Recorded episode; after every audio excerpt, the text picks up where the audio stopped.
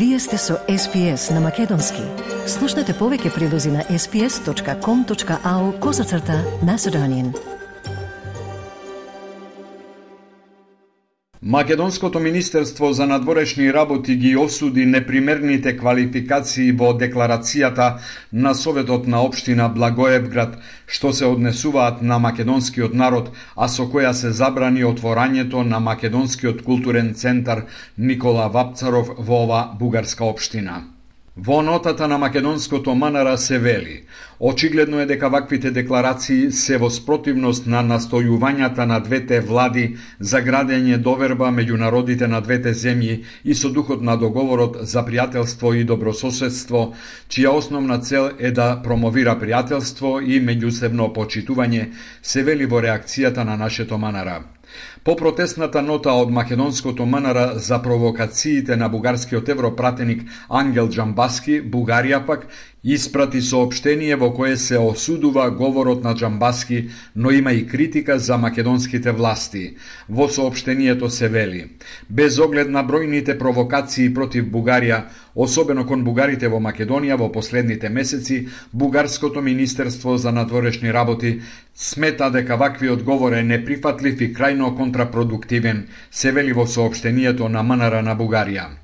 Законското решение што го поднесе ВМРО ДПМН е со кое ќе се регулира регистрирањето клубови и организации, ќе се носи по скратена постапка со поддршка и од пратениците на СДСМ. Министерот за правда Никола Тупанчевски сепак вели дека решение за веќе отворените клубови во Охрид и Битола ќе се бара откако ќе се усвои законот. Легалистички гледано, ретроактивно не треба да се применуваат одредбите, меѓутоа доколку се констатира дека има одредена неправилност или дека има одредена активност која што не е во согласност со законот, има и други институции кои имаат можност да постапуваат. Пред се да не забораваме дека се поднесени неколку кривични пријави кои што чиј што епилог го очекуваме во секој момент. Во таа насока тоа не значи дека тие состојби ќе останат какви што се, дека секое противправно поведение ќе биде санкционирано на соодветен начин. Експертите велат дека измените на законот и промената на статусот на бугарските здруженија речиси сигурно ќе биде протолкувано како провокација од соседна Бугарија, која ќе реагира за тоа во преговарачкиот процес. Во Охрид е уапсен 22 годишен бугарски државјанин кој со себе носел два ножа со долги сечива додека се наоѓал во близина на неодамна отворениот бугарски клуб Цар Борис III. Тој им станал сомнителен на полицајците што биле во близина, па тие кај него нашле два ножа со сечива долги 10 и 15 сантиметри. Бугаринот е депортиран и добил две годишна забрана за влез во Македонија. Портпаролот на СВР Охрид за медиумите ја даде следнава изјава. Се работи за 22 годишен бугарски државјанин кој во текот на вчерашниот ден околу 11 часот е лишен од слобода од полициските службеници од СВР Охрид во трговскиот центар Амам во Охрид. Кај него пронајдени се два ножа и врз основа на членот 80 од Законот за оружје, истиот е лишен од слобода и предаден на судија на предходна постапка при основниот суд во Охрид. Откако се отвори клубот на седми овој месец до денес, не престануваат реакциите, но и инцидентите поврзани со него. Отворањето беше проследено со тензичен протест на граѓаните, а една недела потоа беше оштетена и таблата на која стоеше името на Сдруженијето Цар Борис III. Добрососедските односи се суштински дел на евроинтегративниот процес, а унапредувањето на односите не мора да значи откажување од историјата и идентитетот, смета евроамбасадорот во Македонија Дейвид Гир, кој заедно со амбасадорите од земјава вчера дебатира за можностите за проширување на Унијата и добрососедските односи на релација Скопје и Софија. Всушност Гир рече – Процесот на пристапување во ЕУ може да помогне за поголема промоција и унапредување на односите, не мора да значи откажување од историјата и од идентитетот. Членството носи предности како посебна стабилност, просперитет и демократска одговорност, рече евроамбасадорот Гир. Бугарскиот амбасадор во земјава Ангел Ангелов рече дека размената меѓу двете земји ја зголемува економската соработка, односно дека Бугарија и Македонија имаат одлична прекугранична соработка финансирана од ЕУ со речиси 95% искористеност на средствата за периодот 2014-2020. Тоа што е исклучително импресивно е дека пограничните региони имаат воспоставено одлична соработка, рече Ангелов.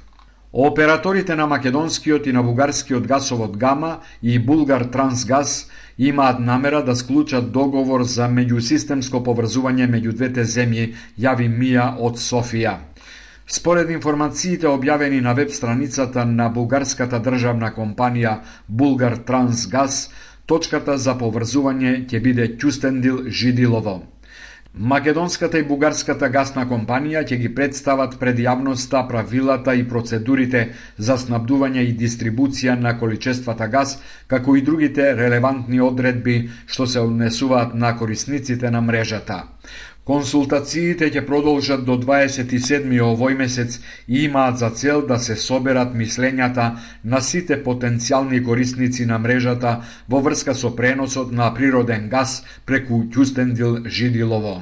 Вчера попладне беше прекинат штрајкот на возачите од градското јавно сообраќајно предпријатие во Скопје и сообраќајот беше воспоставен откако градот Скопје одлучи да пренамени средства и да им ги исплати платите за септември.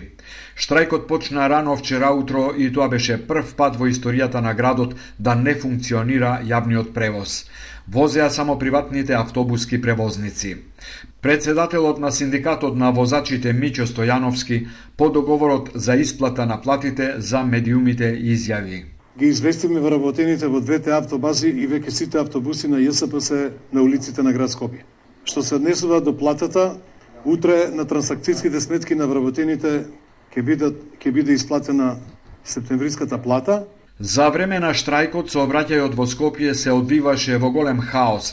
Граѓаните чекаа со часови да дочекаат некој од приватните автобуси и бурно реагираа во анкетите што ги направија медиумите. Ја не ги кривам ни. Нема да работат, се дека не му се да плата. А тој што дома нема леп да јаде, некого го интересира ли, дали има деца тој? Дали треба да јадат? И на оваа скапотија платата не му е дава? Градоначалничката Данела Арсовска истакна дека обезбедените средства се доволни за 3-4 месеци.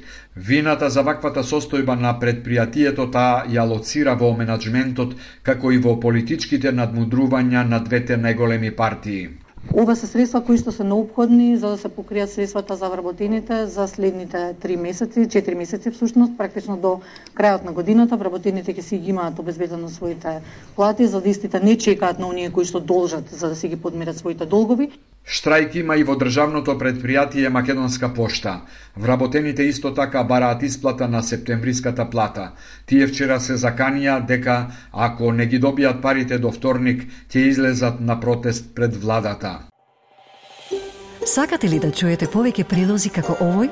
Слушате подкаст преку Apple Podcasts, Google Podcasts, Spotify или од каде и да ги добивате вашите подкасти.